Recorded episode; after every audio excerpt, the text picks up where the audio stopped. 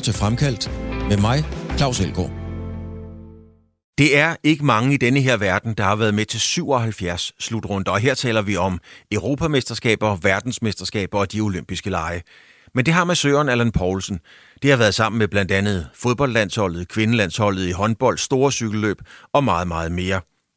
Nu er Allan Poulsen stoppet med at reparere på de dyre ben på verdensstjerner som Eriksen, Laudrup, Elkær, Smeichel og hvad de ellers hedder. Hør Allan Poulsen fortælle om livet med stjerner, tårer og guldmedaljer. AP er gæst i Fremkaldt. Allan, vi sidder inde på dit, øh, ja, dit museum, kan man vel godt tillade sig at sige det. Et sted i, i, øh, i, lidt uden for Odense. Og der er plakater på væggen, der er håndboldlandshold, der er fodboldlandshold, der hænger Henrik Djernis trøje. Jeg tror, vi har selv kommenteret Djernis sammen. Jeg tror ikke, vi har kommenteret et verdensmesterskab til ham, vel?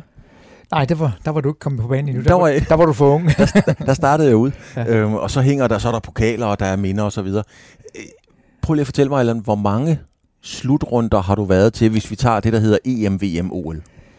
Jamen, øh, så er jeg jo nået op til det beskæne antal af 77. Et, en runde mere, end min alder er lige i øjeblikket. Så du har simpelthen været med 77 gange? 77 gange har jeg været til slutrunder. Okay. Øhm, når du har været med så mange gange, Allan, er det så fordi, du har du er massør, øh, har du magiske hænder, eller er du en god psykolog? Altså er du med på grund af din personlighed, eller på grund af din faglige kunde med hænderne? Det er jo sådan et svært spørgsmål at stille til mig, ikke? Men, men altså, jeg må jo have kunne udføre mit arbejde rigtigt, siden at øh, der er så mange, der har haft brug, i, øh, brug for mig, ikke? fordi det er jo cykling, det er håndbold, det er fodbold, det er squash, det er forskellige øh, OB og alt muligt. Ikke? Men, men det er nok også fordi, at øh, kan måske en, en masse ting, ikke? Altså til, til den sidste slutrunde til VM, ikke? Der var jeg jo blevet udnævnt til logistikkoordinator, fordi jeg var den sidste, der, der havde været med til VM. Mm-hmm. Så der rejste jeg rundt i Rusland sammen med forskellige folk, øh, fem gange seks dage, ikke? For at få det helt på plads med hoteller og, og hospitaler og alt muligt, ikke? Og min håndmæssige, øh, håndværksmæssige øh, fordel med, at jeg kan bruge en hammer, og det, det, det er også rimeligt. Så, så de har fået en fuld pakke. De har fået en fuld pakke, ja. Og logistikkoordinator. Ja. For mig, det var et fornemt ord, ikke? men for mig var det bare alt muligt, men det havde det været altid på fynsk. Mm. Der er en ting, når man taler med, øh, med massører altså på, på elite-niveau, det er det her med fortroligheden, og det er sådan, det er jo meget nemt at sige det her med, at man skal have fortroligheden. Men Allan, hvad, hvad betyder det i bund og grund? Altså, hvad er DNA'en af den der fortrolighed, der er altafgørende? Jamen det er jo, at man knytter et tæt forhold til de patienter, man har på sin BRICS. Det er, at de patienter, der lægger sig op på, sin brik, på min BRICS, at de ved, at det, de fortæller mig, det kommer aldrig nogensinde via til andre mennesker. Der er mange, der har spurgt, om jeg ikke godt vil skrive en bog, og, det kunne være sjovt. Sådan, ikke? Men det sker ikke, fordi de minder, jeg har med alle de mennesker, jeg har haft med at gøre, det sætter ind med hjerte, og der bliver det derinde. Det er, det er måske også derfor, man kan være der i 37 år med fodboldlandshold og sådan mm. ting, ikke? Så meget, meget lange perioder har jeg været alle steder, ikke? Så du kommer dybt øh, ind i mennesker, du spørger ind til deres, øh, deres personlige ting med, hvordan har jeg med familien, det, er de faldet godt til og alt muligt. Jeg snakker ikke ret meget fodbold eller håndbold eller noget som helst, men mere komme ind til mennesket, og når du kommer ind til mennesket, så opstår fortroligheden. Mm. Men er det sådan en bevidst strategi, altså når du nu nævner bare nogle navne, det er helt mm. tilfældigt, det kan være en uh, Preb Melkær eller en Susanne Munk Lauritsen eller et eller andet. Uh, er det så bevidst, du ikke snakker håndbold, fodbold med dem? Ja, det er det faktisk øh, lidt, ikke? fordi at øh, de er til eksamen hver eneste uge øh, med deres idræt, og hvis de hele tiden bliver bombarderet med spørgsmål omkring deres sport, jamen så kommer de aldrig til at slappe af. Men når vi snakker privat, jamen så åbner de sig og slapper af. De slapper så også af i deres muskler og, og, og resten. Så det vil sige, jeg kommer også til at arbejde bedre med dem. Ikke? Men det er den der fortrolighed, at inden ved mig, der får de pusterummen for den idræt, de dyrker. Mm. Men, men bliver man også sådan en, hvad hedder sådan noget, en, en grædekone. Altså jeg mener, der kan ligge en atlet, som er lidt frustreret over ikke at starte inden, eller det fungerer ikke rigtigt. Og så den der blanding af din psykologi, berøringen og det fortrolige rum. Ja, men, men, men der, der, er det, der prøver jeg sådan at, at, at sige, hvad vil du gøre ved det, at du ikke starter inden? Mm. Det, det, det, det, skal, det kan du kun bevise ned på din træningsbane, for eksempel. Hvis det er det, de kommer er lidt kære, at de ikke starter inden og sådan ting. Ikke? Og så plejer jeg også altid at sige, vi er et hold, mm. der er 11 på banen, men vi er et hold, alle skal kunne gøre noget, når de kommer på banen, og der bliver altid brug for jer. Ellers er I ikke blevet udtaget. Men hvordan er det egentlig, Allan, at være en, der får så meget fortrolighed, og helt sikkert også intim fortrolighed, meget privat fortrolighed? Hvordan er det egentlig at være modtager af sådan noget? Jamen, hvis du har et åbent sind, og det har jeg jo, og, øh, så, så, så gør det ikke noget, så, så kan jeg se, at jeg også kan hjælpe den vej rundt. Det er ikke noget, der er belastende for mig. Mm. Det er faktisk en del af min arbejdsopgave, og, og jeg nyder at, at få den fortrolighed med de mennesker, og få mere via om dem. Og når du så møder dem senere i livet, når de er færdige med deres idræt og sådan noget, jamen, så er det også de mennesker, der stadigvæk kommer hen og giver dig et stort kram, fordi de har vidst, at det her hænger sammen, det hele. De er ikke kommet via med, jeg er ikke kommet via med nogle af deres ting. Men jeg tænker også på det der med, du er jo også selv et levende menneske, og vi har jo alle sammen problemer. Så kan det være med et havehus, eller med, med ungerne, eller konen, eller vi har jo alle sammen vores problemer. Og så får man, du ved, så er der 4-5 atleter på en massagesession, som, som, øh, som, som hælder noget af på dig. Og skal, kan det ikke være meget at kapere? Jo, selvfølgelig kan det være en stor mængde, men der har jeg jo hele, i hele perioden, i alle de år, jeg har haft med at gøre, der har jo været i fysisk god form, mm. som jeg stadigvæk er. ikke. Og hvis du er i fysisk god form, så kan du også modtage mere mm. ikke? Og, og holde til mig mere. Ikke? Men det har ikke været, altså for mig har det aldrig været en belastning. Det har været en glæde at kunne snakke med de mennesker og kunne forstå, hvad, hvad det er, de gør. Ikke? Altså det der med, at børnene kommer i, i skole, at, hvordan går det med jeres træner dernede, at, at, at har I flyttet i hus, eller sådan nogle hverdagsting, som både du og jeg har mm. at slås med. Jamen, øh, hvis de har en til at hælde af på det øh, omkring de ting også, jamen så er det fint jo.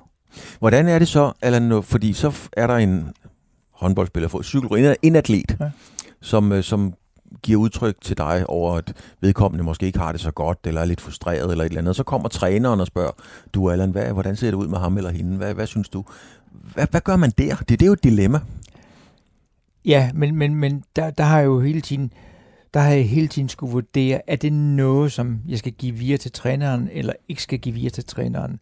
Øh, for jeg vil sige 95 procent, eller 98 procent af det, vi har snakket om med, med spilleren, det er det, der bliver. Så er der måske 2 procent, hvor vi lige siger, at okay, øh, han har det ikke så lige så godt endnu, han gør alt, hvad han kan, men der kan det lige så godt være lægen, der lige skal måske, måske lave en undersøgelse på spilleren om, hvorfor han er, er lidt nede og sådan ting. Ikke? Altså, mm øhm, nej, der har, der, har, der, har ikke, der har ikke været nogen problemer, fordi de der trænere, jeg har haft med at gøre, de har også respekteret, at spillerne havde den fortrolighed til mig.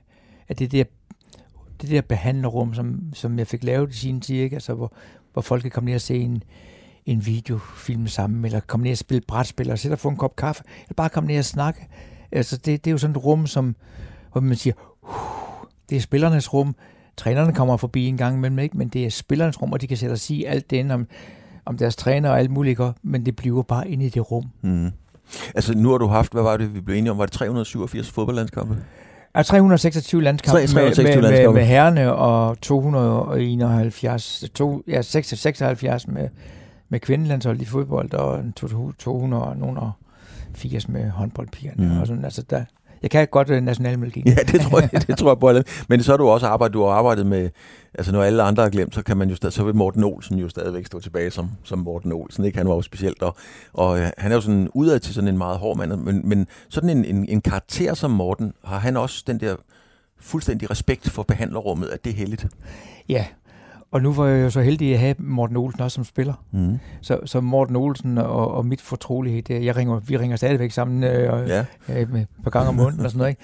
Altså, det er jo den der, de ved, her er så professionelt indstillet Morten Olsen, at, at det, der har aldrig været de problemer med at, at, at, at skulle ind og bruge det. Der har Morten skulle være en kanonfyr. Og vi ser også på de der udsendelser, der kommer nu, ikke? Altså, det er jo er virkelig, virkelig professionelt. Hvis jeg skal nævne sådan en, en ting, som lige fletter ind her som professionel med Morten for eksempel. Vi sætter over i Kazakhstan og spiller en afgørende kamp om, om vi kan komme videre. Og så er de ved at skifte en spiller ind i Kazakhstan. Så siger Morten lige pludselig, det er ikke ham der, og peger hen på spilleren. Og så øh, ryger jeg over til, til bænken, øh, og så siger, så siger det over, der er et eller andet galt her. Så ham, spilleren, der er ved at blive skiftet ind, han ser, tager sin trøje og kigger på den, så har han kommet til at tage en forkert spillers trøje. Altså prøv at tænke sig, en reservespiller fra Kazakhstan, der, er beskæftiget, der vidste Morten Olsen nøjagtigt, hvad det er. Det er jo dybt, dybt professionelt, at man, har sat sig så mange ind i sådan nogle ting. Ikke? Ja, det er en vild historie. Det er en vild historie, faktisk. Ikke? Ja, det er det. Men det, det kendetegner lige Morten. Dybt, ja. dybt professionelt. på alle punkter, og en fantastisk person om aftenen, når vi var kl. 11 om aftenen, når vi var færdige med at behandle, eller hvad det blev, og vi skulle have et, øh, et stykke råbrød sammen, og lige ved grund dagen af, mm. ikke? Der Morten fast, og der snakkede vi aldrig fodbold. Der snakkede vi også bare roligt og stille, fordi vi har jo brugt hele dagen på at være i fodboldmode.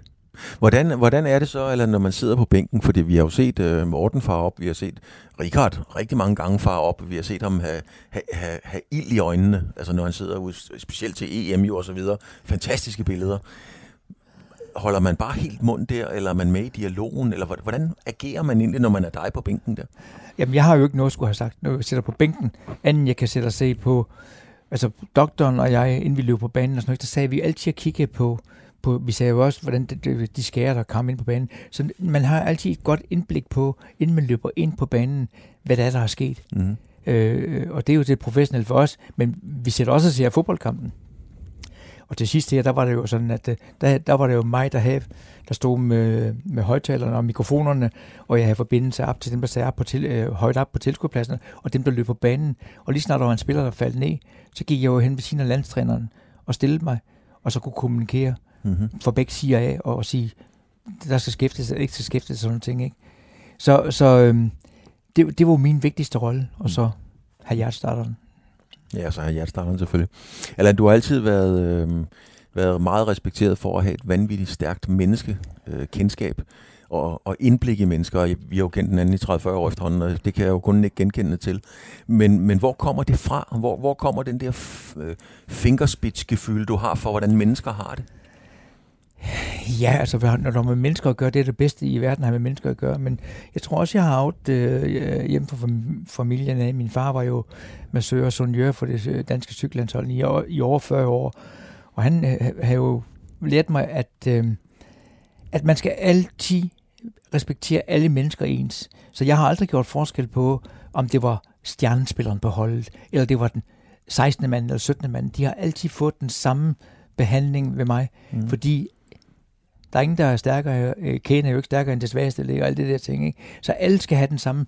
Så, så jeg har jo ikke skulle spejle mig i deres præstationer. Og sådan noget. Jeg har skulle spejle mig i, om jeg behandler alle mennesker godt nok. Mm. Men det der med at fornemme, hvordan de har det, er det noget, man kan, kan man øve sig på det, eller, eller hvordan kommer det til en? Altså, for mig har det altid været sådan, når, når folk trådte ind ad døren, så aflæser jeg deres øjne med det samme. Ja. Øh, og øjnene fortæller alt. Ja, hvad, for, hvad kan du se i øjnene? Hvad så du i øjnene for mig, da jeg kom ind? Jamen, jeg så, at uh, gensynsglæde over, vi kan se hinanden i lang tid, ikke? Og, og det er rigtigt. Ja, og, og, øh, og at uh, der stod sgu Claus igen, ikke? Altså, som for gamle dage, ikke? Uh, det var ikke en Claus med lukkede øjne og, og, og hængende hoved og sådan noget. Nej, det var sgu en Claus, der var stor oprejst mm. og, og smilt. Ja. Og, og det er jo sådan nogle ting, uh, når man har med mennesker at gøre, jamen så, så kigger man efter de ting. Ja. Er det noget, man gør sådan øh, bevidst, eller altså rent, jeg tænker sådan professionelt, der kommer nogen ned, der skal på briksen, så vurderer du lige, at det i dag, jeg skal snakke med vedkommende, eller, øh, men er der også noget, du gør nede i Føtex med nogen, du ikke kender? Ja, altså, jeg har jo grundlæggende, at man, når man kommer ind i Føtex, så skal man jo også behandle ekspedienterne, fordi mm. selvom de har måske lavet en fejl, jamen, vi har alle sammen lavet fejl og sådan noget ting, ikke? Så, så jeg kigger, og, og jeg får, forsøger altid at få øjenkontakt, mm. og så med et smil og hvis du har et øjenkontakt og et godt smil, så kan man næsten sige alt til hinanden. Det er sandt. Det er sandt. Hvad vurderer du så også, når du får en... en øh, det kan være alle atleter, nu siger jeg bare en fodboldspiller. Ja. Kan det, når du får en fodboldspiller ind, vurderer du så også lige at sige til dig selv, okay, Allan, i dag, det er ikke i dag, vi tager en small talk om noget. I dag er det bare massage. Jeg, jeg, jeg, jeg tiger stille, hvis der bliver sagt noget, så svarer jeg. Jeg har princippet, det er altid vedkommende, der ligger på briksen, som starter samtalen. Ja. Hvorfor? Fordi så, det, så får jeg jo en følelse på, at vedkommende godt vil i gang med en samtale. Mm-hmm. Eller vedkommende gerne vil hvile sig. Altså, der er jo, jeg har haft mange spillere, som helst vil være den sidste på briksen, fordi at så kunne vi lige få nogle ekstra halve time til også at snakke. Mm. Så, så ja, det det er sådan, det er. Altså, der er jo også forskel på dem. Min, øh, min rigtig gode ven Erik Rasmussen her slutter sig 12, kan man sige. Ikke? Og så er der sikkert nogen, der ikke siger så meget. Er det ikke svært at omstille sig fra? Så har man lige haft en, der snakker hele tiden, og så kommer der en slet siger noget, og så er der en igen, der siger en masse. Nej, det er ikke, du skal bare huske at respektere den enkelte person, der ligger på bænken. Og den enkelte person har den personlighed, og den anden har en anden personlighed. Og det skal du bare være god til at, at, at, at huske. Altså, jeg har også altid forsøgt at, at sætte mig ind i øh, de forskellige spillers kærester, også når de skifter øh, mm. og, og, og deres børns navn og sådan nogle ting. Ikke? Altså sådan, at jamen, så var jeg jo tæt på dem med det samme, når jeg lige kunne nævne børnenes navn eller konens navn og alt sådan ting. Så, så kunne du simpelthen lige sige, hvordan går det med, ja. med lille Herbert eller ja, eller Ja, ja, lige nok, ikke? ja. ja. Øhm, jamen, det er jo en fantastisk rolle at have, men det er jo også et meget stort ansvar at have. Det er jo meget mere end at sørge og se, om lægmusklen fungerer. Ja, men, men primært gælder det jo om, at jo bedre spillerne har det, i, når de er samlet, jo bedre præstation kan de yde, når mm. de endelig skal i ilden. Mm. Og det, det er jo et af de der små bindemidler, jeg skal være til at, at, at, at være med til det. Radio 4 taler med Danmark. Du skal træffe nogle beslutninger eller i, øh, i, i splitsekunder. Ja. Øhm, og nogle gange skal man jo komme med en hvid løgn eller en anden løgn, og nogle gange skal man fortælle den pureste sandhed. Der hænger et billede af, af kvindelandsholdet her. Det var nok ikke det landshold, tror jeg, men, men du var jo med til den tragiske oplevelse i Tyskland, med, hvor der døde nogle tilskuere osv. Ja, der, der pludselig lyder det over højtaleren, øh, da vi spiller øh, landskampen med, mod russerne, ikke? hvor der lyder, at, øh, er der en læge til stede, og så læner jeg, vi løber op, og der finder vi jo så to, øh, der er døde. Mm-hmm. At der er blevet stukket ned af en gal tysker, ikke? Og, jeg skal tilbage til bænken med det samme, og vores doktor bliver det op og arbejder og, og ser, om vi kan redde, han kan redde menneskerne. Og da jeg kommer ned, så vender Ulrik Vilbæk sammen øh, til mig og siger, er der sket noget, Allan? Og i det splitsekund, der er jeg nødt til at, at vurdere. Hvis jeg siger det, der er sket, så bliver det uro på bænken, og kampen kan blive kaotisk. Noget, ikke? Der vælger jeg så at sige, at der er ikke sket noget. Mm. Og så først efter kampen går jeg til bekendelse. Mm.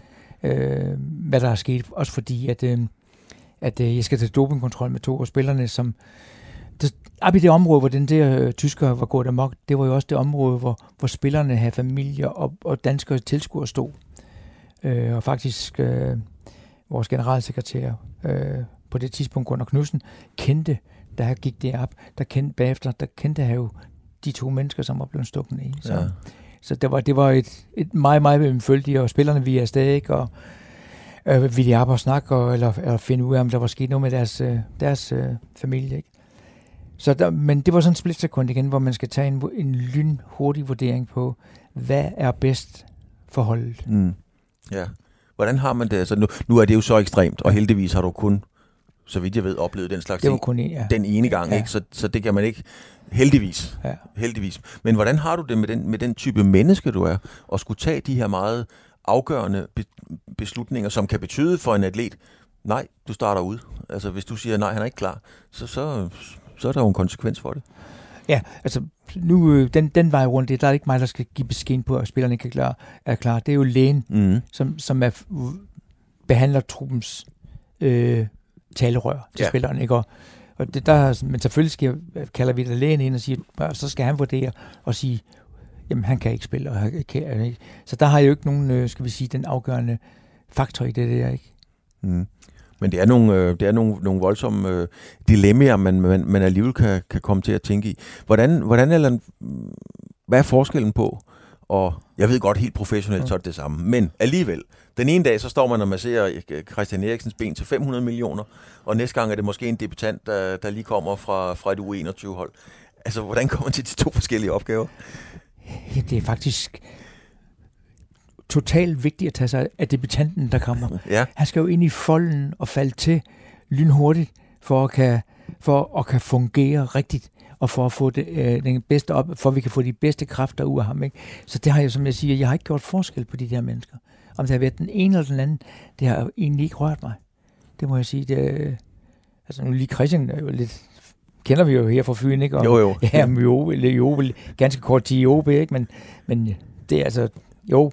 Jamen, nej, der er, ingen, der, er ingen, der skal ikke være nogen forskel. Det, det, der er der, du skal være professionel og sige, alle er, øh, er lige i øh, staben, eller i, i, i af spillerne. Hvordan, er, hvordan fungerer det egentlig samspillet mellem landsholdet og klubber? Fordi det er jo ben til mange, mange hundrede millioner, når man har med fodboldlandsholdet at gøre. Ikke? Ja. Øhm, er der et samspil? Ringer man sammen, eller hvordan foregår sådan noget? Ja, det, det, det er jo vores læge, som, øh, som på landsholdet tager kontakt til de forskellige klubber, og også som har en opdateret rapport på, øh, spillernes tilstand, inden de møder ind. Mm-hmm. Og det er også ham, der tager beslutningen på, om spillerne, hvis de har haft nogle småskær i klubben, skal kaldes ind til landsholdet. Men i 9 ud af 10 tilfælde kalder vi jo altid spillerne ind, og så afgør vi selv på landsholdet, om det nu er den rigtige beslutning, der er Mm. taget. Ikke? Der kan jo være klubber, som måske gerne vil spare nogle spillere og sådan noget. Ja, ja. Men der er vel også spillere, eller, eller cyklister, eller nogle af dem, du har arbejdet med. Det er jo konkurrencefolk, som, som bare gerne vil i kamp. Og, og kan du gennemskue med det samme, hvis de ligesom prøver at, at lyve en skade, skade lidt mindre, end den i virkeligheden er? Ja, og der har vi været udsat for, og jeg vil ikke nævne nogen navne. Nej, nej, bestemt ikke. Nej, jeg vil ikke nævne nogen navne, nej, men det har vi været udsat for, at der er måske andre, der har sagt til dem, at du er klar og sådan ting, ikke? Men hvor vi så tager dem ind, og så laver vi vores egen vurdering på dem. Mm. Hvordan er det dilemma at stå i? Fordi du, det er jo dit faglige ansvar at ligesom sige noget, men du kan også se øjnene på vedkommende. Ja. Au, den går altså ondt, ja. Den her, ikke? Men der har vi heldigvis så dygtige trænere og analytikere nu, som kan se, om, om spilleren reagerer normalt, eller de måske sparer drejningen til venstre, eller drejningen til højre, eller et eller andet, ikke? Mm. Så for at, at afhjælpe, ikke? Mm-hmm. Altså alle vil jo gerne med til en slutrunde. Øh, alle vil gerne spille en landskamp, ikke? Men, men de skal også være på totalt professionelle, De og det er de, og det er de øh, 99 procent alle sammen til Ja. at, at, at, at, ikke vil gå. Fordi hvis holdet tager, så er de jo med til at, ikke at man kommer videre i en turnering måske, eller sådan noget, ikke? Altså det, ej, der er de sgu professionelle, det må jeg indrømme. Hvor vigtigt, Allan, er i virkeligheden øh, behandlerrummet, eller sundhedssektoren, som jeg tror, du engang kaldte det øh, til mig. Altså, altså, fordi når man sidder udefra, så tænker man, at der er en læge, en, en, en massør, en fysioterapeut osv., men det er jo oppe i taktikrummet, det hele bliver afgjort-agtigt.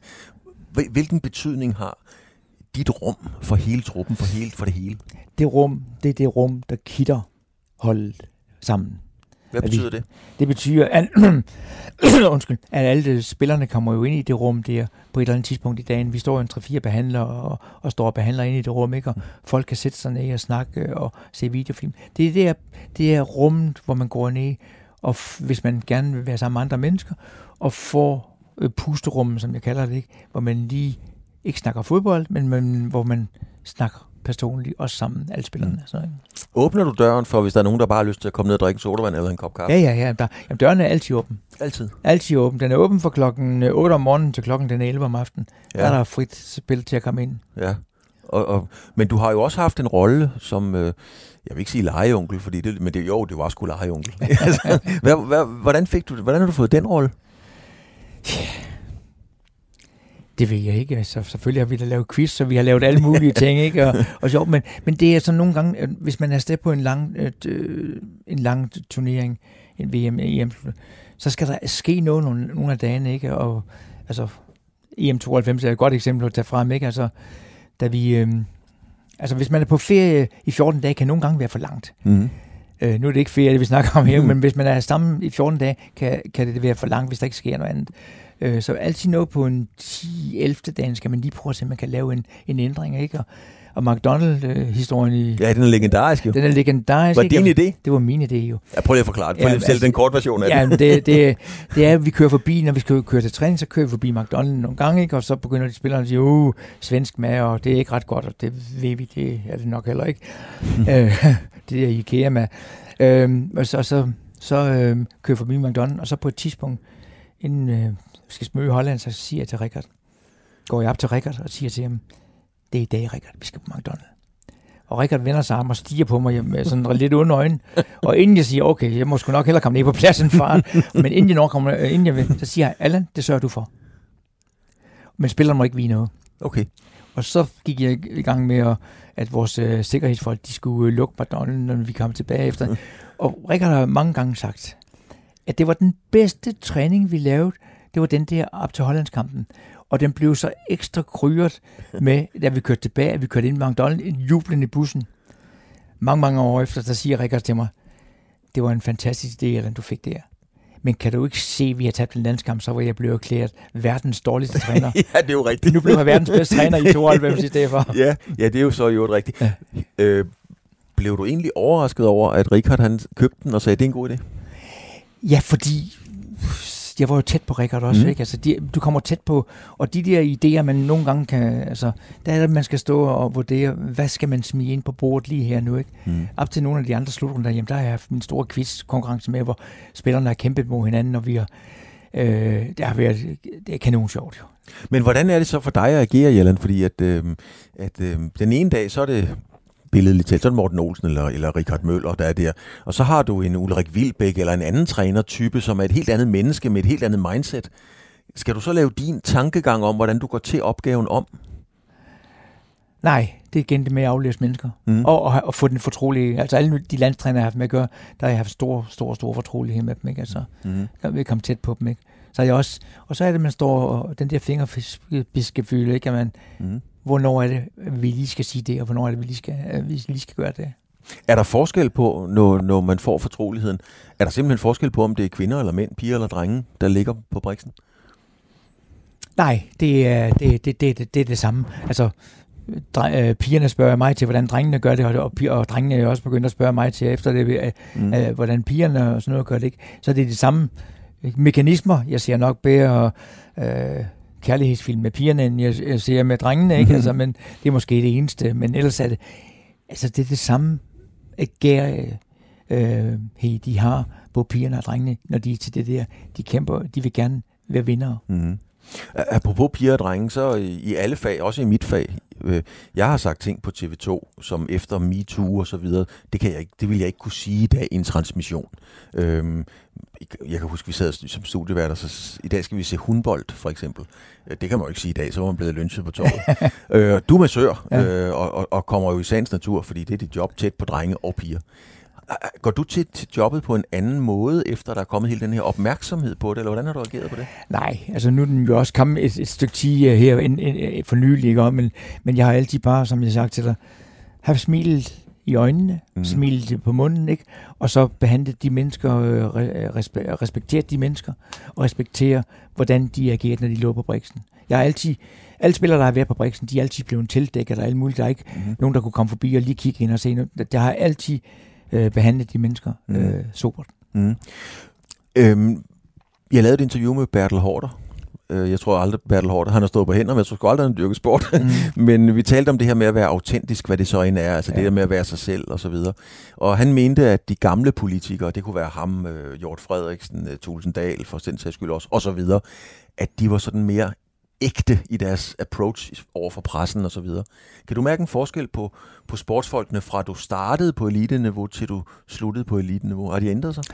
Det har de ikke. De har ikke ændret sig inde i behandlerrummet. Nej. Altså behandlerrummet er det stadigvæk den samme, øh, hvad det her, hvor man driller hinanden og alt muligt. Ja, det, det er det Men når de kommer ud til pressen, så kan det godt være, at der er sket lidt forandring og sådan noget, men, men, men inde i rummet, der er det samme mennesker, ja. som der har været altid. Og det kan du simpelthen se? Altså. Ja, der, der, der har aldrig været nogle øh, nye ting i det. Bliver, bliver sådan, øh, de 500 millioner, bliver de hurtigt skrællet af, når man ligger på briksen? Altså. Der bliver aldrig snakket penge. Nej, og det gør der ikke? Nej, der er ingen, der snakker penge. Og slet det, det, det, nej, vi snakker mennesker. Ja. Hey, er, det helt, er det helt tabu at snakke penge? Nej, det er ikke tabu, men der er bare ingen, der, der bruger tid på det. Nej. Øh, hvorfor skulle vi det? Ja. Ja. Eller når du, når du har de her folk øh, liggende derinde, kan du så godt helt frasige dig det? Vi vi har været lidt inde på det før, det der med at, at sige, det er store stjerner. Jeg mener, altså, hvis, jeg, hvis jeg er studievært på noget, hvor, hvor jeg, jeg ved, der er en million seere, så kan jeg jo ikke helt bare sige, det er en anden, er den samme tilgang, som hvis jeg ved, der er tusind. altså det samme, når du har en stor stjerne liggende. Jamen, det har aldrig været et problem for mig. Nej. Det har aldrig været et problem for mig, om det var nummer et, eller det var nummer 25, der lå på briksen. Altså, igen, øjne, smil, aflæse mennesket. Mm. Hvad vil det menneske helst have, at du gør? Radio 4 taler med Danmark. Det, som øh, der er helt sikkert er mange, der sidder derude og tænker på, og det gør jeg selvfølgelig også, 77 slutrunder. Hvad har egentlig været for dig den, den ultimative, største oplevelse? Jamen, du kommer aldrig forbi 92. Nej. Ikke? Øh, da jeg var landstræner, du kommer aldrig forbi, at jeg ser en Henrik Jernis blive verdensmester fire gange og sådan nogle ting. Ikke? Altså, du, der er sådan nogle ting, men jeg stiller dem ikke op, sådan, som, sådan, som du, du stiller op nu mod hinanden. Ikke? Jeg er altid i nuet. Når du er der, mm. så, er det lige, øh, så, er det, så er det den person. Det er samme, når jeg laver mine, øh, skolearrangementer, for 7.000 skolebørn nu på cykelbanen, ikke?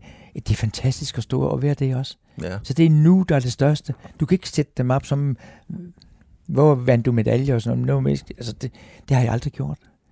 Altså, nu har været det største. Så har jeg minderne hængende på væggen. Så har jeg minderne inde i hjertet og, og i skrabbøgerne og sådan ting, ikke?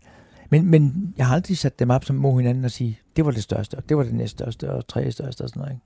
Men når man kigger rundt her, så er det jo en, en perlerække af, af kæmpe store danske internationale triumfer. Altså ja. triumfer af de, af de stærkeste og største i verden. Ja. Så der må vel være et eller andet, hvor du tænker, ah, lige den der, lige den der detalje, eller lige den der Puh, nej, altså det, jeg er jo lige så glad for sådan, det er, de afsked, jeg har fået med de forskellige landshold, ikke? Altså, det, jeg stopper med kvindelandshold i fodbold efter 25 år med dem, ikke? Altså, de kommer og har et maleri med til mig og, og holder en fantastisk afsked mm. sammen med herrelandshold, ikke?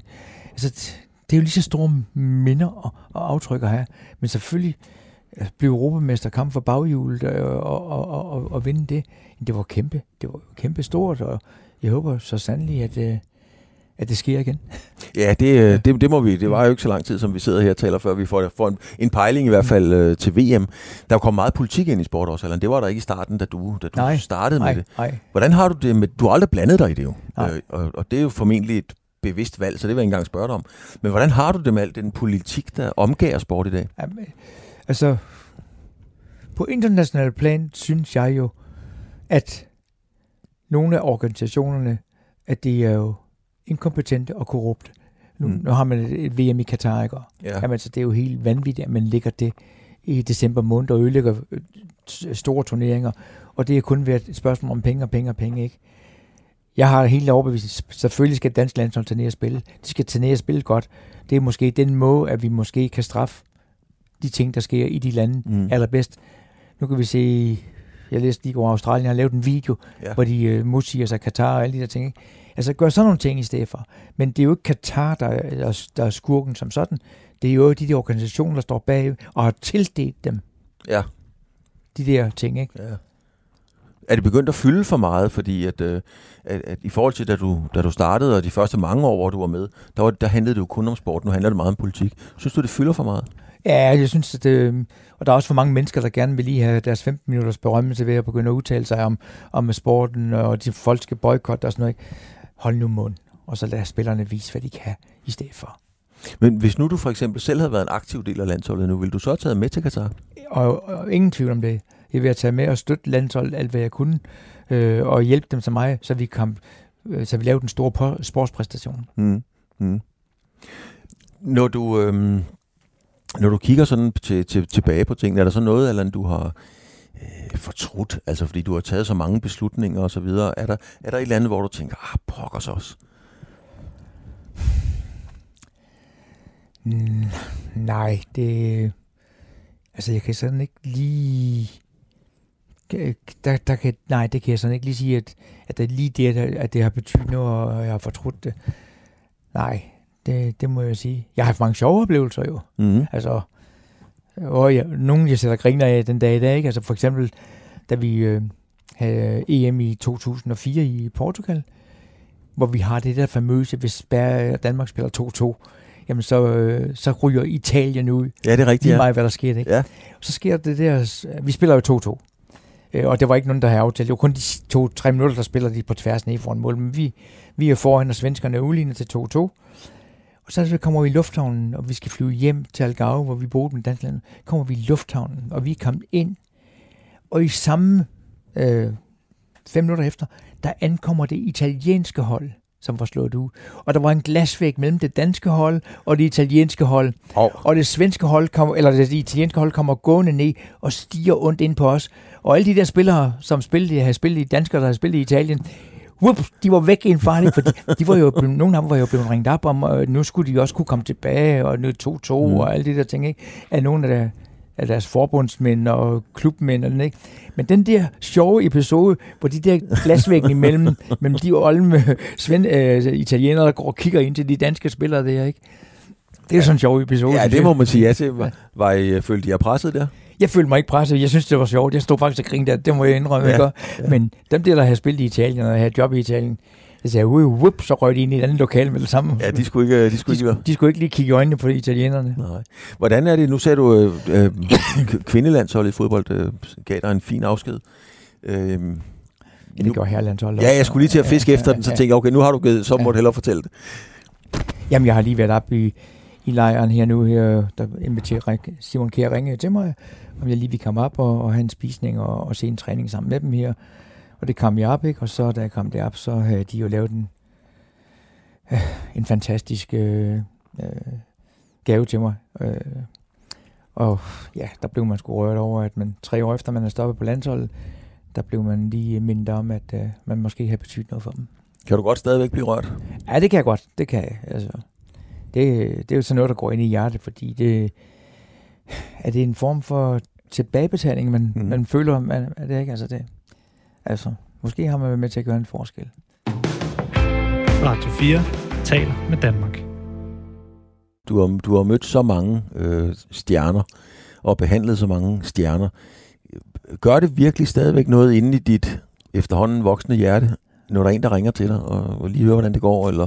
Jamen, det, er det, er der, det er der flere, der gør hele tiden, ikke? Og, og da, det, da, da jeg stoppede, det er, jo- ikke, da der blev corona i 20, det var, skulle have været min sidste slutrunde, ikke?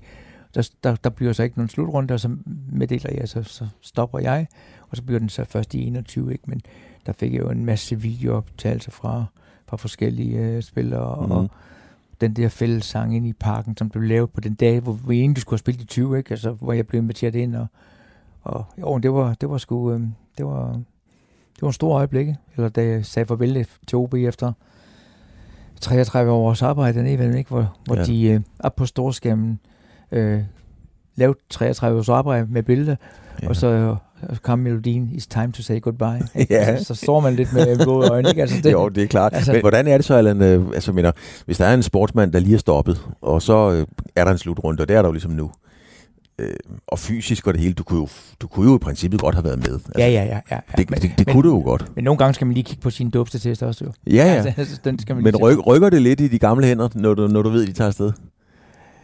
Mm, nej, det, gør- jo, jo, jeg, jeg glæder mig til dem, og, og de skal afsted alt det, ikke?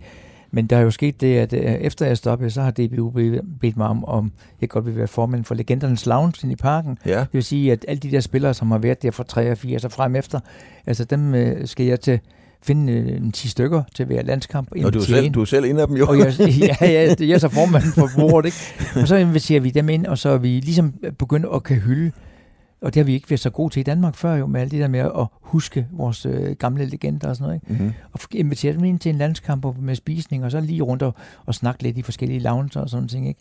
Det er jo kæmpe, øh, kæmpe dejligt for mig at, og stadigvæk at, at høre om deres liv, dem Ja. der har været for, allerede tilbage til 83, ikke? Så jeg prøver sådan at mixe dem lidt med, om vi kan fra den gamle generation og fra den nye generation. Ja. Allan, en del af programmet, det hedder Fremkaldt, det er, at jeg tager et billede af dig.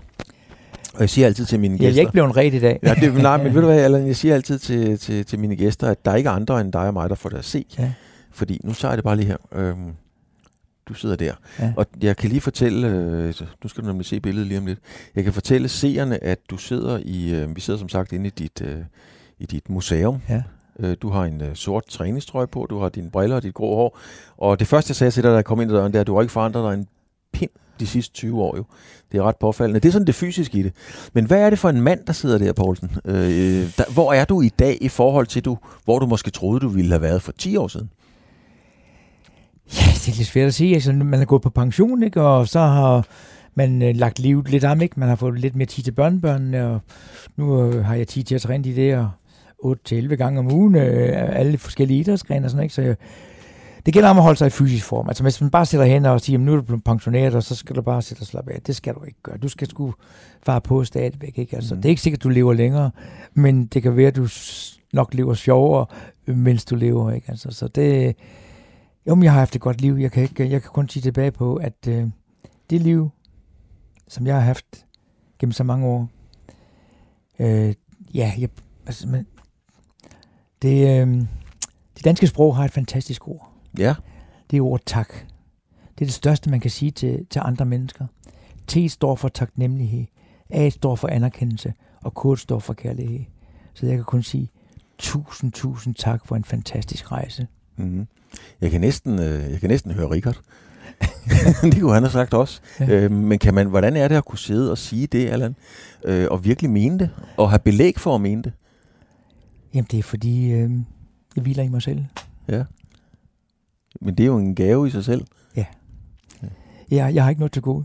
Nej. Jeg, jeg har været i 115-16 lande, ikke? Øh, Rej- Rejst rundt overalt, ikke? Og 77 slutrunder og mødt fantastiske mennesker overalt, ikke? Mm. Men er der noget, er der et eller andet, du alligevel sådan tænkt, ah, det ville jeg alligevel gerne have prøvet også? Det er lidt sjovt, du siger. øh, Det, da, øh, da Ulrik Vilbæk bliver øh, landstræner for de danske herrer i håndbold, Mm. ringer han til mig, om jeg kan tage med til Europamesterskabet med ham, med herrerne. Og det kunne jeg ikke, fordi det er på det tidspunkt, hvor vi rejser med ligalandsholdet. Så det kunne have været sjovt måske lige at prøve dem også, ikke? Men øh, ja, sådan, sådan er det jo. Altså, den, den, den fik du, ja, okay, den fik du så ikke, men, Ja. men var der nogle andre sportsgrene, et eller andet, hvor du tænkte, øh, hvis der var frit valg på alle hylder, okay, det der, og det kunne være lige fra at være massør i Formel 1 til, ja, whatever, et eller andet, hvor du tænker, ah, det kunne jeg godt have tænkt mig. Nej. Nej, altså, det, det har jeg ikke. Altså, mit sjoveste EM, jeg nogensinde været med til, og det var jeg kun én gang, det var til EM i indendørs minigolf. Ja, øh, og, og se deres problemstillinger. Altså, de går, de går jo fuldstændig amok, hvis de ikke rammer i hole in one, de der minigolfspillere. men var det ikke her i Odense? Det var her i Odense, og det var ude ved, ved det gamle Føtex, Ja, på første salen. Ja, det var det der. Ja, og der, var jeg, der, der ringede de til mig, om jeg godt kunne være med. Og der vil jeg jo nok sige, at øh, der var ikke så meget massagen. Der var det sgu mere den der, komme ind på mennesket og, og uh, få ham beroliget og alle de der ting, ikke? Det er sjovt, Allan, fordi vi talte faktisk om det dengang. Ja. Jeg, jeg skulle lige være tro, at vi var ude og kommentere noget cykelsport, fordi jeg mener, at kan huske noget om, du fortalte, de kom med deres øh, øh, kugler bolde i, Ja, og var- i, i termokanner, eller hvad ja, og varme dem op til bestemte grader, fordi nu var det den bane, den så sådan nu, og Ja. i forskellige farver. Det var fuldstændig videnskabeligt, det gør. Men, men det var jo en, en sjov oplevelse lige at få med os. Så, så nu må du altså korrekte mig, ja. fordi jeg kan faktisk godt huske det der. Men jeg mener, du fortalte mig om, du havde arbejdet sådan mere mentalt med en spiller, hvor Ja. at, at det der hul, skulle han forestille Ja. ja. sig var en ladeport-agtig, eller hvad Ja, det var? lige, lige, jeg sagde til ham, prøv nu, prøv nu fordi vi har trænet, har jeg trænet på banen meget, ikke? Ja, Og så har han, så, så har jeg ramt forkert af, så så prøv, prøv at kigge på det hul der nu, og så prøv at gøre det større. Og så prøv at gøre det rigtig stort. Og så gjorde jeg det. Og så fik jeg den i hul. ja. Også ja. god psykologi. Hvad årstal er vi i der? Ah, vi er nok tilbage i øh, 95, 94 eller sådan noget, vil jeg skyde på. Ja, det må du alligevel give mig, det skulle da meget godt huske. Ja. jeg kan huske det lige så tydeligt. Ja, ja. Og jeg tror, vi har været ude og kommentere, øh, jeg tror, vi har været ude og kommentere øh, VM i cykelcross det år. Det kunne jeg faktisk. eller, eller også var det mountainbike. Mountainbike. Ja. Jeg tror faktisk, vi var, vi, vi Det lavede, var i Schweiz, vi var i Schweiz og Ja, lavede mountainbike, ja. ja. ja. det- Henrik blev to. Ja, ja, det er rigtigt. Ja, det var, det var jo Ja. et meget, meget smukt sted. Ja. Nå, det er, en, øh, det, er en, øh, det er en helt anden snak. Allan, er du egentlig færdig med din métier? Nej, men altså, jeg er jo stadigvæk reserven i OB. Mm. Øh, hvis, der er nogen, de har, hvis der er en, der bliver syg, eller hvis der er kursus eller noget. Jeg har stadigvæk nøglerne dernede til at komme ned i omklædningsrummet efter kampene og sådan noget. Så, så, så det er stadigvæk... Øh, der er stadigvæk nogen, der ringer, så forbarmer jeg mig over det og lige giver en hjælpende hånd, hvis jeg kan komme til det. Ja, en hjælpende hånd, det er et godt udtryk, Ja. præcis i den sammenhæng. Øhm, ja, det var helt tilfældigt, at jeg kommenterede, eller jeg var ude og lave noget basketball i går. Der var en frisør, der havde fået gigt i fingrene. Øhm, kan du godt, øh, dine fingre, efter at have masseret i så mange år? Så jeg kan krumpe dem som her nu. Okay, Ja, men så passer det lige til et lår. så der, er- der er lidt Nej, der, der er slitage. Ja, det er der jo, men altså, prøv at høre. Der er fodboldspillere for dårlige knæ og alle mulige andre skal, altså, man øh, ældes med, med forskellige ting. Mm. Og det her, det er så mine fingre, som de kan holde om et glas øl stadigvæk. Radio 4 taler med Danmark. Allan, herovre på væggen, der hænger den, øh, den regnbuefarvede VM-trøje. Det synes jeg jo personligt er en af de smukkeste traditioner inden for al sport. Det der med at køre med den regnbuefarvede, når man er verdensmester. Det var Henrik Djernis. Og der er en, øh, en grund til, at den hænger på din væg. Ja, det er det. det jeg var jo landstræner øh, for, for, for ham øh, i, i rigtig, rigtig mange år. Og øh, der sker der så det, at øh, jeg får en øh, blodprop i armen efter en operation øh, med pacemaker. Og ligger ude på sygehuset, og så øh, dagen efter, der står Giannis ved min sygeseng og forærer mig hans VM-trøje med autograf på. Mm. Så det var jo, altså, der bliver man rørt igen, ikke? Altså, hvad, hvad gjorde det ved dig? Jamen, det gjorde jo, at, øh, ja, jeg kom jo til at holde endnu mere af ham, ikke? Altså, selvom jeg holdt rigtig meget af ham. Men at bare det, at hans tanke er, at øh, så bare er der for mig, da jeg havde en svær situation, mm. hvor jeg havde været for ham og hjulpet ham med hans træning. Så det igen knytter mennesker sammen. Mm. Allan, af de mange atleter, du har, du har arbejdet med, der er jo mange store egoer, der er mange store hjerter, der er hele paletten, og, og mange af dem er jo i ekstreme grader, kan man sige. Du har også arbejdet med Bentner. Hvordan er det at arbejde og være omkring sådan en fyr som Bentner, som vi jo fra pressen kender mest som noget, hvor der altid var en form for ballade? Altså, Niklas er verdens søgeste mand, det kan jeg sige til jer. Og han vil altid være sidste mand på massagebriksen, så vi kunne få snakket det sammen, ikke? Og, øh, prøv at tænke sig, man tager afsted som 15-16-årig. Mm. Hvad har man med i bagagen Øh, af menneskelige øh, ting? Der, man har jo ikke ret meget, og så kan man blive udsat for en masse ting. Og hver gang man går ud af døren, når man, hvor man kommer hen, så står der en paparazzi-fotograf øh, og tager et billede og, og vil tjene lidt penge på det. Ikke? Niklas ved godt, når han har lavet noget skidt, og har fortrudt det hver eneste gang. Ikke? Men han er verdens søgeste menneske. Så, så jeg har altså, jeg, jeg har et stort hjerte til Niklas, det, det må jeg sige. Og jamen, nogle fantastiske samtaler, vi har haft sammen. Ikke? Og at bare det, at det menneske kan stå oprejst med de ting, han har været udsat for, øh, det, er helt, det er helt vildt. Det er mig, det er mig en gåde, at han kan stå oprejst. Så jeg har et virkelig, virkelig stort øh, hjerte til Niklas, det må jeg sige. Det er en... Det er et hårdt liv og, ja. og, og blive det. Og manden ved, at han laver nogle fejl og, og fortryder det hver eneste gang, når vi har snakket om det. Ja, men en fantastisk person. Ja. Hvad var det? Altså, hvorfor ville han være den sidste mand på Brixen?